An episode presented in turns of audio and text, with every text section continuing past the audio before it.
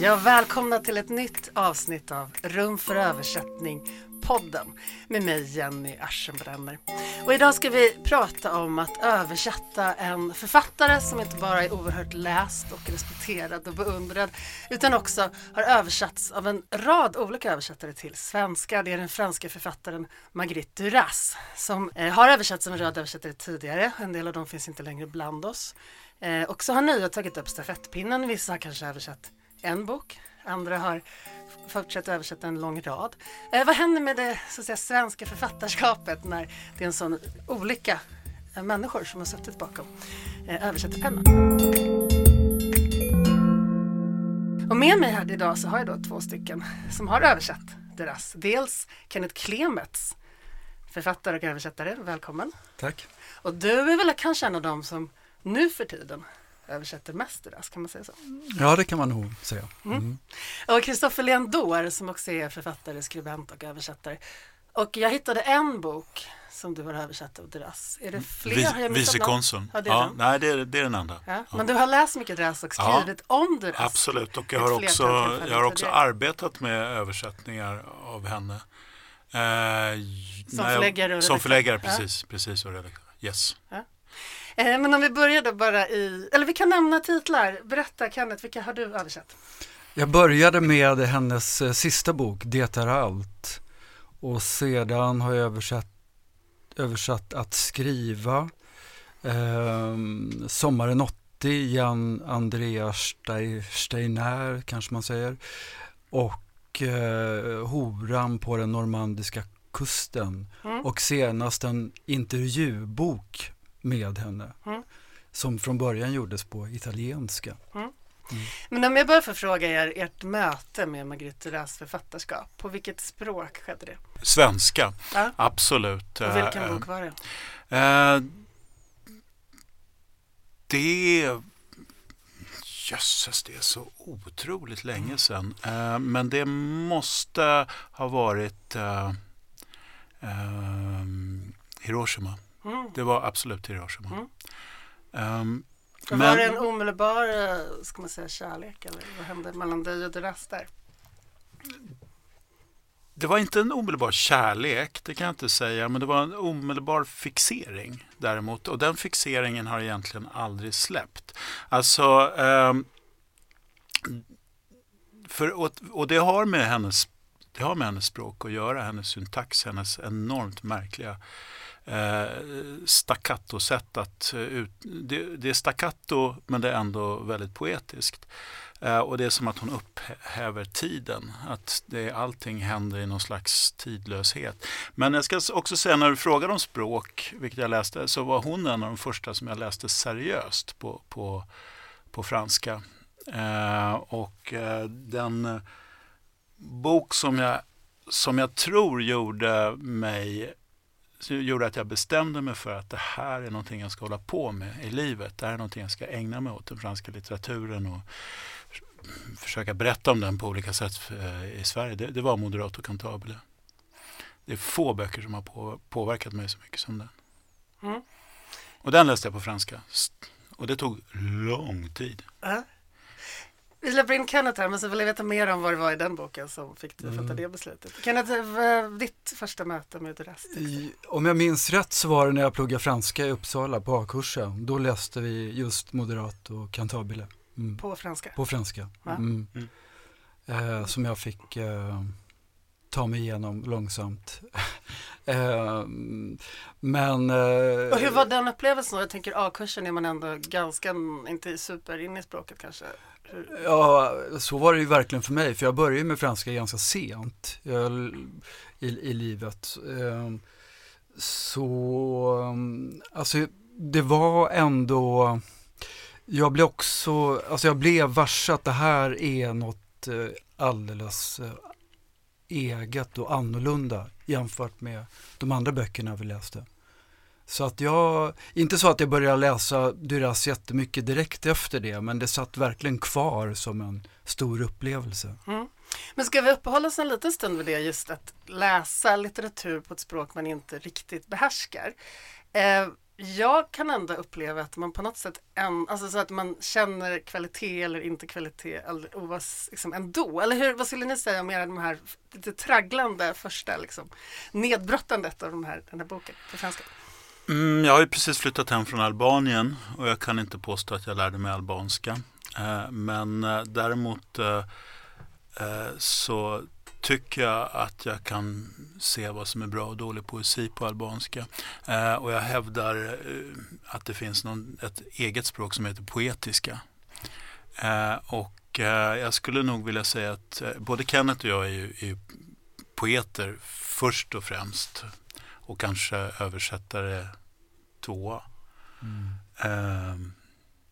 Eh, och jag skulle säga att just, jag tror, jag tror, slår det mig, när man ska nagla fast Duras språk sådär, att jag tror att skälet till att vi båda har fastnat för henne så hårt är att hon löser upp lite den där skillnaden mellan poesi och eh, prosa. Hon skriver prosa på poesins villkor. Mm. Det går att sjunga hennes, hennes texter. Mm. Vad säger du Kenneth? Skulle du säga att du ändå, du säger att det var någonting du fastnade för, det var någonting speciellt, att du ändå kände den där poetiska kvaliteten trots att din franska inte var så avancerad? Ja, jag vet inte riktigt om jag kan ringa in det, men jag, jag, kände den absolut. Nu var det ju bara liksom kvalitetslitteratur vi läste på den där kursen såklart, va? men det, hennes, eh, hennes bok stack verkligen ut och det Ja men det är väl det här som Kristoffer är inne på att det ligger nära poesin. Det gjorde det i och för sig inte i början av hennes författarskap. Då, var, då skrev hon ju tämligen traditionella romaner. Men det, det är ju där det börjar hända på riktigt med, med, med den boken. Mm. Mm. Och vad i denna bok fick dig att vilja ägna dig åt den svenska litteraturen? Kristoffer? Ja, men det är att det är en sån otroligt enkel historia. Den är, den är, den är oerhört lätt att följa, den är lätt att identifiera sig med, det är lätt att, att, att känna sig så, som, som kvinnan är i, i romanen. Det är lätt att, att känna igen de här, det sättet. Eh, jag, jag läste den dessutom eh, när jag bodde i, i Trouville. Så att jag, jag gick utanför barer på kvällen och såg ljusen från barerna. Så det, det, det fanns en igenkänning. Hon är väldigt tydlig. Eh, och, och sen är hon eh, väldigt enkel. Alltså hon skriver ju, alltså hon använder ju ingen svår franska. Det, det, är ju, och hon använder, alltså syntaktiskt så är hon ju lättare, alltså på ytan lättare än de flesta eh, andra franska författare. För hon skriver ju till skillnad från de flesta andra franska författare inte den här latinska perioden, de här långa, långa meningarna. Eh, Proust, som brukar, man brukar påstå att han skriver så långa meningar, han är en mycket, mycket mer normal fransk författare om man tittar på hur den franska litteraturen generellt ser ut. Det är Duras som sticker av med sina korta meningar. Eh, så att svårigheten när man läser, man, man, känner sig förtrogen med henne ganska snabbt. För att, och så upptäcker man att svårigheten med att läsa henne, det är svårigheten med att läsa överhuvudtaget. Det är svårigheten att förstå överhuvudtaget litteratur eller ja, nästan, nästan sig själv och att man måste vara med och bestämma vad det står. Hon, hon öppnar syntaxen. Så att ofta får, får man som översättare eller, eller som läsare överhuvudtaget eh, vara med och bestämma. Och säga, nej men det, är här, det är det här som styr. Det är det här som är subjekt och det är det här som är objekt. Men eh, skulle du säga att det kräver en särskild närvaro av dig som läsare? Ja, du kan inte, du kan inte slöläsa Duras. Det, det, det, det går helt enkelt inte. Hon, hon, eh, hon, hon kräver inte mycket. Hon kräver ingen förförståelse. Du behöver inte veta en massa grejer. Du behöver inte vara inläst på franska kungar eller, eh, eller antik litteratur eller historia, mytologi eller något sånt. Men du behöver vara där. Mm. Vad säger du Kenneth? Eh, jag kan bara skriva under på det. Men eh, för mig blev, eh, alltså, jag hoppar fram lite där, i, för mig blev liksom ingången till att översätta Duras.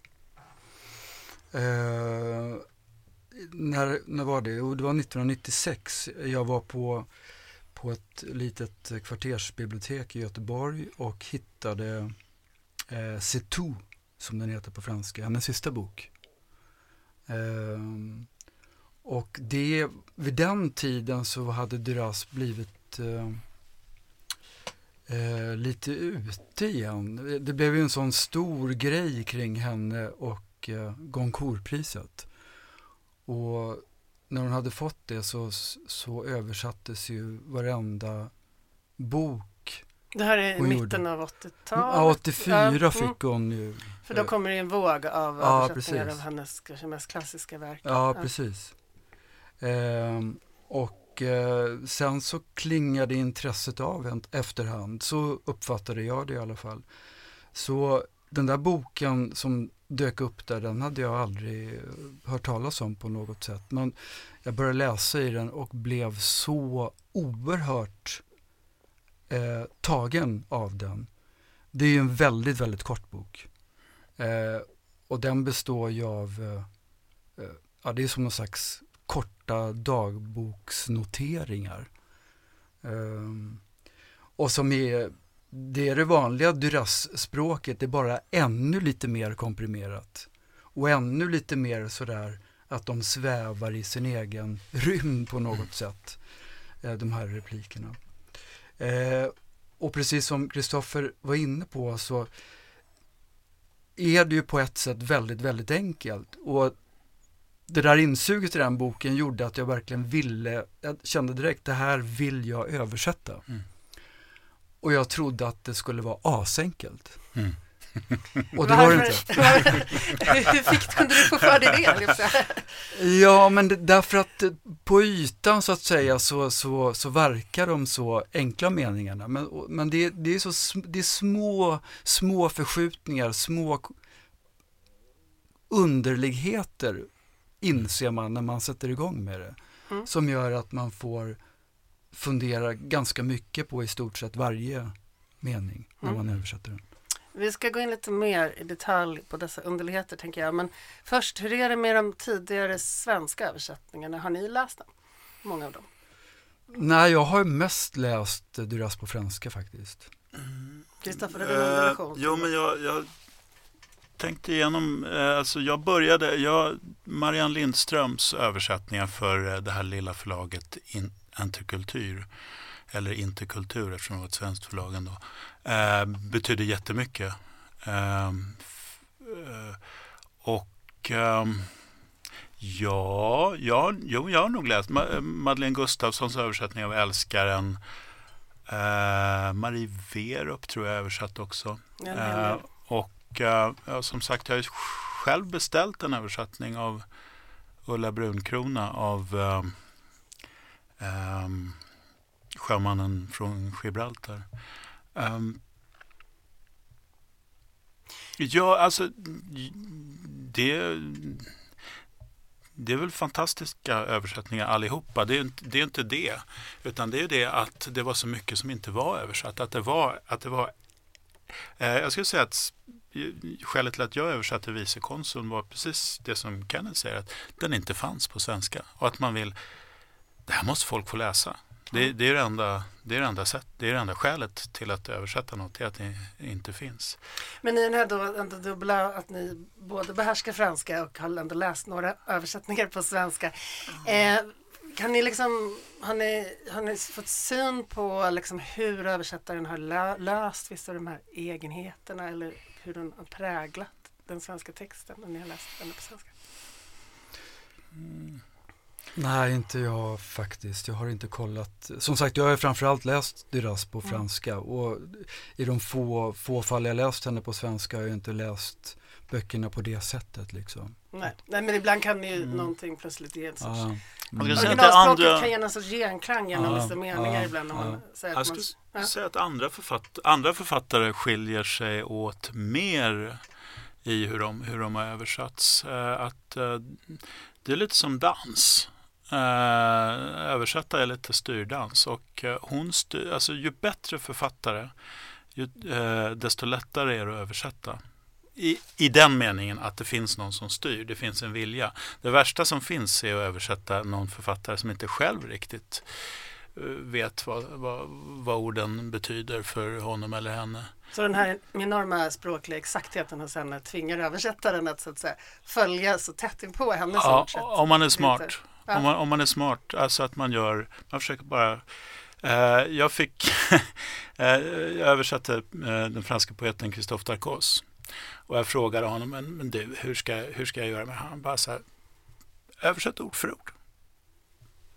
Sa han, då ryckte på axlarna. Det, det är bara översatt vad det står. Mm. Okej, sa jag. Funkar det? Nej, men eh, pretty fucking close Ja. ändå.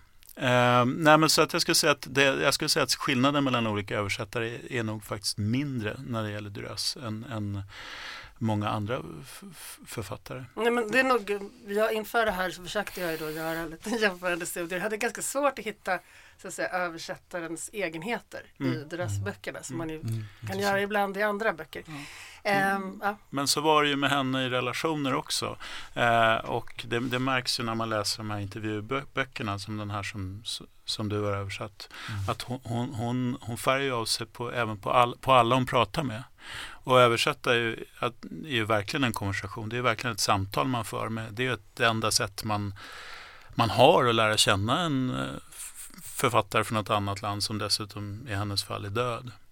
Eh, Det är ju att översätta henne eller honom. Mm. Och, och hon, hon, det är hon som bestämmer. Så är det bara. Eh, Men att hon har haft så pass många svenska översättare och vissa har översatt många böcker, andra har gått in och gjort punktinsatser som du Kristoffer. Eh, nu har ju ni själva båda fascinerats av att försöka liksom, transformera det här språket till svenska men generellt vad är liksom attraktionskraften från översättare att ge sig i kast med Duras? Det Eh, eh, en, en, att översätta är ett, kanske, kanske det bästa sättet att läsa. Alltså att man, man, en, en bok som man har översatt har man verkligen läst. Det är inte många andra böcker man kan säga det om. Att man faktiskt, man, har- man har liksom varit med och gjort den. Man har vänt på den. Det är som nästan ett tyg. Man har liksom vänt in och ut och kom, gått från baksidan där man har sett maskorna och sömmarna. Mm.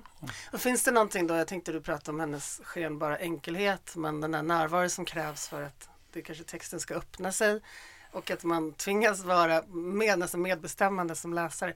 Är det en extra just hos henne då, eh, att man vill närläsa än ännu mer så till en grad så att man själv översätter?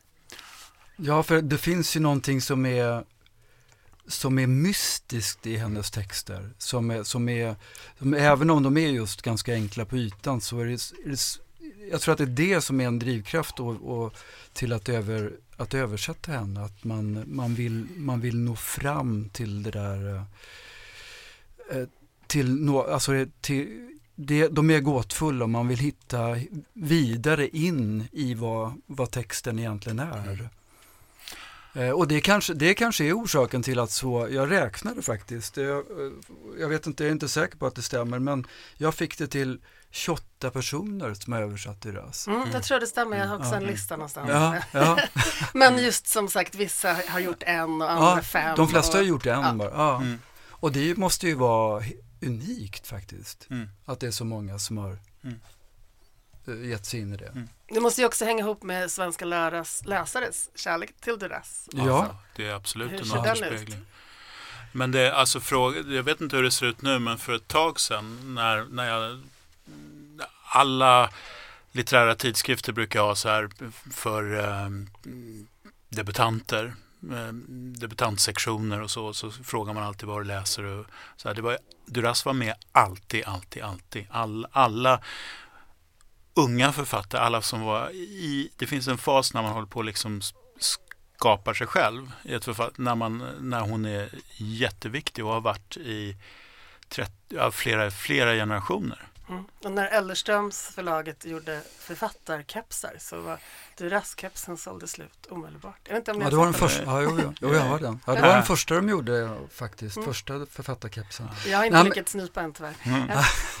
Nej men eh, jag har en, eh, jag tror att jag tror att det var så att när Det är allt kom så blev den efterhand, jag har en känsla, jag, jag vet inte, men jag har en känsla av att den blev lite av en skrivarskolehit.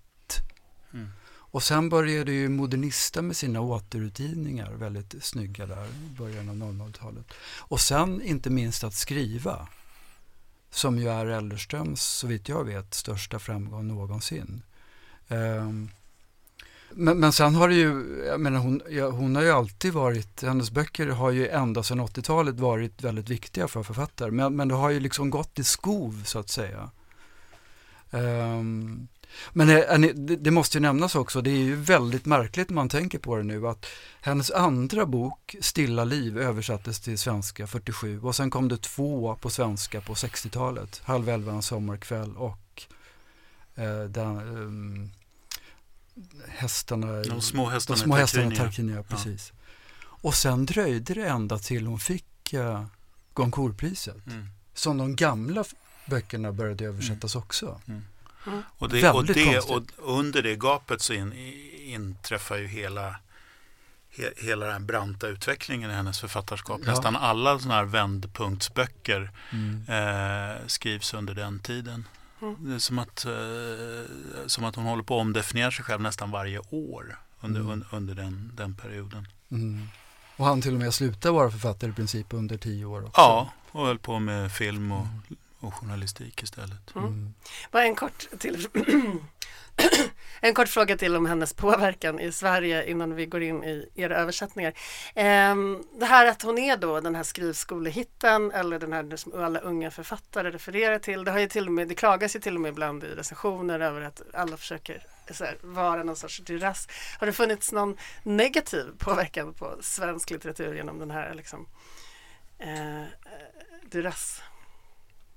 Det rassläsandet har det har det skapat en massa bleka kopior? det är en rolig fråga.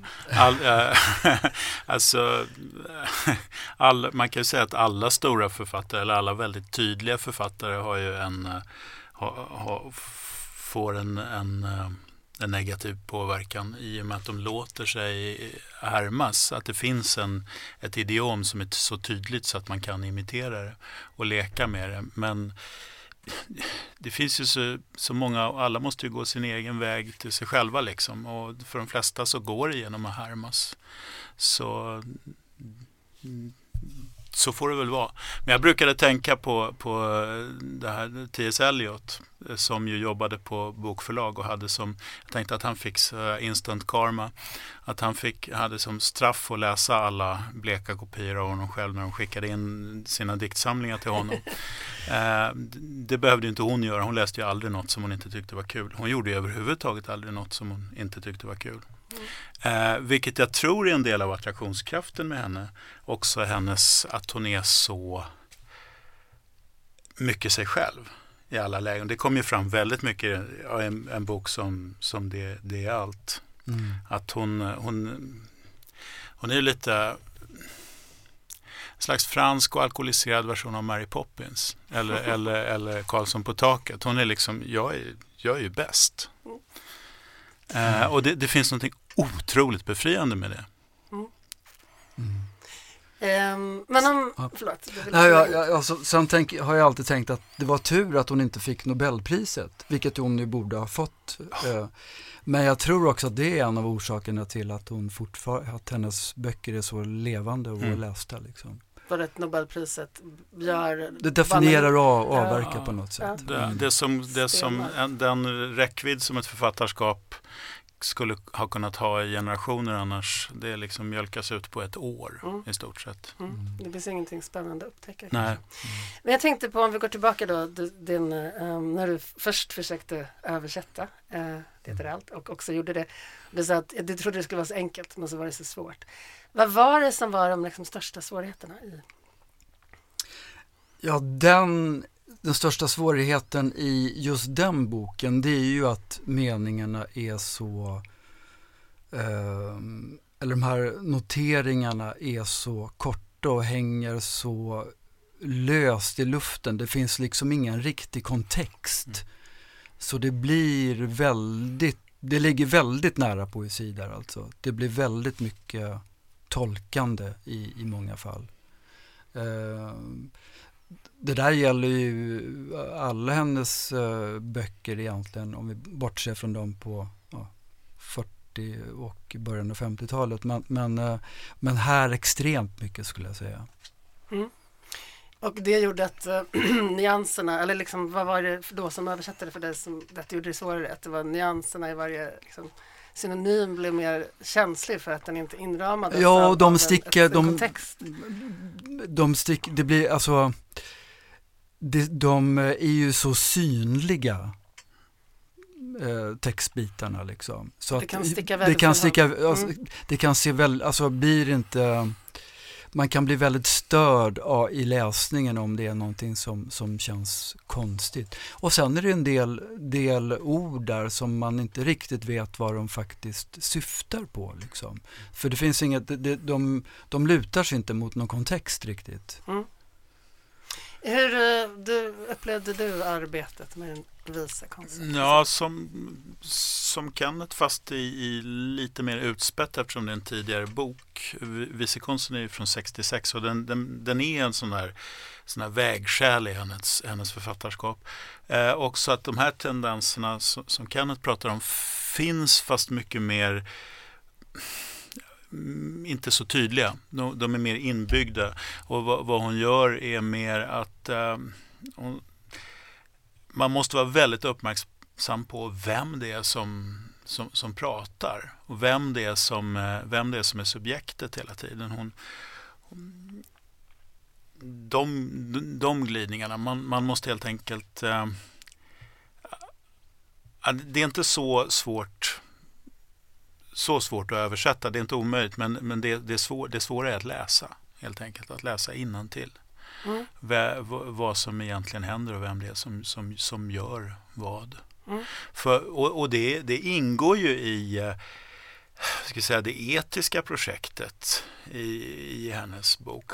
Den, handlar ju, den utspelas ju i, eh, i, i Sydostasien i, i, en, i en koloni. Och eh, det handlar om vem som tittar på vem och vem som känner sig överlägsen vem och vem som, vem som har rätt att stöta ut vem. Eh, där då avståndet mellan tiggerskan och eh, vicekonsuln ja, minskar och, och de, liksom nästan, de byter plats. Mm. kan man säga. Så, så det, det, det, finns, det finns ju någonting, det finns ju någonting eh, en nästan revolutionär kraft också i det här spelet med, ja, med grammatik nästan. Mm. Eh, so, som ju verkligen är, är kärnan i hennes, en, en av kärnorna i hennes författarskap. Men jag tänkte på det här du pratade om Kristoffer, att för att vara en fransk författare så har han ändå ett lite annat sätt att behandla språket än det, sedvanliga. Han har de här liksom staccato-meningarna. Eh, mm. eh, jag tänker att det ändå får en annan kvalitet på svenska. För att för oss, alltså så här, det är en annan litterär tradition, det är ett annat språk, det blir annorlunda.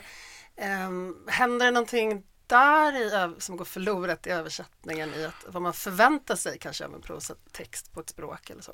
Inte så mycket i, i uh, en bok som Det är allt tror jag, för den, den är nog konstig på vilket språk som helst. men, men uh, det kände, jag kände att det var, det var någonting jag var tvungen att ha, ha, mm, ha observandum på i, i vicekonsuln, att inte den skulle låta för normalsvensk på, på svenska. För att uh, syntaxen ligger närmare en vanlig svensk meningsbyggnadslunk. Mm. Eh, så att då fick man, då fick man liksom sätta lite, lite krokben för sig själv här och var för att det skulle ändå framstå att det var en, en text av henne och att den var inte så normal på franska. Mm. Mm. Eh, men Kenneth, du som då har fortsatt översätta Duras, hur har den, eh, det arbetet, har det liksom för dig förändrats i takt med att du på något sätt har lärt känna hennes språk inifrån och från, även från avigsidan så att säga? Ja, jag önskar att jag hade ett väldigt klart och tydligt svar på det. men men, eh, eh, ja, men det är väl klart, det, jag, jag har översatt några böcker av henne nu och jag känner ju liksom, känner mig väl någorlunda tryggare. Det är beträdd mark. Men eh, jag tycker fortfarande att det är, det är en stor utmaning varje gång. Mm. Eh, det tycker jag i och för sig gäller de flesta översättningar, men, men, men särskilt med, med, med hennes böcker. Eh, ja. Eh, behöver man eh, försätta sig i något särskilt sinnestillstånd när man översätter Duras böcker? nej, man, nej, det tror jag inte. Du menar annorlunda än andra översättningar eller för att översätta? Eller behöver man sätta... Nej, man ska vara vaken. Mm. Uh, man, man ska vara pigg och man ska vara nyfiken. Uh, och man ska... Man, man ska vara jäkligt noggrann. Mm. Vad säger du Kenneth? Eh, ja, eh, jag, brukar övers göra, eh, jag brukar översätta på förmiddagen och det är min, Mm. nog min vaknaste tid. Och det, Mm. ja, så Mm. jag håller med. Ja. Ja. men sen en grej, ja, men en grej ändå man måste, alltså och, Sen måste man höra, man måste höra svänget. Eh, det gäller det är i och för sig alla författare. Alla författare har en, har en eh, i alla fall alla författare som är värda att översätta, eh, ha- har, har en rytm, det, ett sväng. Eh, och eh, hi- hittar man det så blir det bra. Även mm, hittar man inte det så blir det på ett annat sätt. Mm. Så det måste man hitta. Man måste ha liksom, man måste höra hennes, den här. Mm. Du nämnde där Kristoffer i början att, att eh, det var en fördel att vara poet när Ja. man översätter Duras. Skulle du hålla med om det Kenneth? Eh, ja, det, ja, det gör jag verkligen. Ehm, det, håller man på med poesi så då, då intresserar man ju sig för de, de mindre beståndsdelarna så att säga och, och, och rytm och, och sådär. Det är ju vad poesin handlar om. Eh, så absolut. Eh, jag gillar ju också, jag gillar ju, eh, jag gillar omfånget av henne. På, så jag gillar böcker som är så här på en 120-140 sidor. Jag gillar böcker som, alltså de är, det är komprimerade på det sättet. Eh, Är det som- lättare, jag inbillar mig bara att det är lättare då att hålla den där rytmen som Kristoffer pratade om, att det är någon täthet och koncentration, eller? Ja, alltså jag, jag, man, kan, man, man vet det från början. Det här är en bok som, som är koncentrerad och författaren vet vad hon gör. Eh, det är liksom dealen från, från början. Det, det, det vet man inte riktigt tycker jag när det är böcker som är mycket längre än så. Där är, det- där är det så mycket andra grejer som det, som det spelas med. Liksom. Mm. Jag har ju översatt eh, riktigt långa böcker. Eh, det längsta är väl, om man räknar det som en bok, när Vernon Subutex av Virginie Despont. De har ju också en, en rytm, fast där in, ingår det, det är mer som en vågrörelse. Och där i långa, eh, alltså långa prosaböcker så, så ingår ju också alltså dalar. Och de får man ju vara med om då. Och, och, men en, en sån här bok som en Duras-bok innehåller ju inga dalar. Det är ju, du är på topp hela tiden. Mm. Mm. Ja. Ehm, men ni pratade om att ni började översätta henne för att ni hittade böcker som inte fanns översatta. Hur är det, finns det kvar texter att hitta och översätta? Eller? Ja, det finns ju några 40 och 50-talsböcker. Och sen finns det väl några sådana här klippböcker också. Eh, men ja, jag skulle, jag skulle sådär mellan tummen och pekfingret säga att det kanske är en fem, sex titlar. Mm. Mm. Är det någonting som någon av er är sugna på? Jag är sugen på en av dem. Mm, berätta. Nej, ja. Men det kanske kommer en. ja det Mm. kanske kommer en så småningom. Men det, fi, det finns, nu kommer inte jag på den titeln och så, jag jag skulle kanske också hålla den för mig själv. men, men det finns just i, det, i, i det här 60-talet när hon höll på eh, när hon var som mest politisk så finns det några text, texter som liksom ligger mellan dramatik och prosa som är jättespännande. Mm. Och där, där finns ett par som inte är översatta. Är du sugen på att ta dig an till Duras? Om livet är långt. Vi får se. Mm. Uh, just, just nu har jag ett annat jättestort åtagande som, som får komma före. Ja, vi avslutar med, tänker jag, vi har pratat en del om svårigheterna med att översätta Duras. Men om ni skulle ta fram de absoluta stora, största belöningarna med att översätta Duras, vilka är de? Eh, jag tycker ju att det är, eh, och det gäller väl generellt i översättning tycker jag, att när, när man har arbetat sig igenom texten tillräckligt många gånger så att man känner att den är nu är det en Duras-text på svenska. Mm. Och det känns som att den håller. Mm. mm. Då känns det jävligt bra. Mm. mm. Också för att det är så många små, små alltså så här, nyanser i besluten. Som ja, ja, ja, precis. Mm. Så att man, när man väl nöjer ja. en så. Jag, jag brukar ju, eh, jag översätter på det här sättet. Jag brukar göra, först läser jag boken lite eh, en gång, men sen, sen börjar jag översätta och då gör jag en råöversättning. Då jag bara som kör på och hoppar över alla problem och det är jättemånga. eh, sen börjar det verkliga arbetet och ta liksom ställning och ta alla beslut och sådär kring svårigheter. Och det är ju ganska, det är det tuffa arbetet liksom och det är inte alltid särskilt roligt. Men sen kommer det där när man har liksom när det bara är det här liksom småputsandet kvar och man känner att nu, nu börjar den sitta. Det är, det är härligt. Kristoffer? Mm. Ja, nej, nej, men man har ju skrivit den. Man har ju faktiskt skrivit en, en, en Duras-bok. Uh, man vet hur det är att skriva en, en Duras-bok. Uh, det, det är belöning. Eh, det är belöning nog. Eh, sen är det ju väldigt trevligt, man har gått omkring i alla år och sagt till folk att du borde läsa den här vicekonsuln. Ja, men den, den finns, det, det, finns ju inte på svenska. Eh, så, så, kan man äntligen sticka åt folk den. Det, det är det, bästa, det, det, är nästan det bästa med att vara översättare, det är att man får bra julklappar. Mm. Man kan sprida sina ja, favoritböcker precis, till precis. de som inte behärskar ja. språket. Men man, man förvandlar någonting som kan låta bara snobbigt och drygt. Man kommer att säga, dragandes med någon favoritbok som, som, som ingen annan kan läsa till, till någonting som, ja, göra det till någonting som är generöst och, och, och cool. Det finns en sak till tycker jag med Duras var ju, hon levde ju i princip hela 1900-talet och är liksom en det är en god del av Frankrikes, eh, jag har läst hennes, det finns ju en väldigt bra biografi över henne, det finns ju flera, men den bästa tycker jag är den av, av Laure Adler, mm.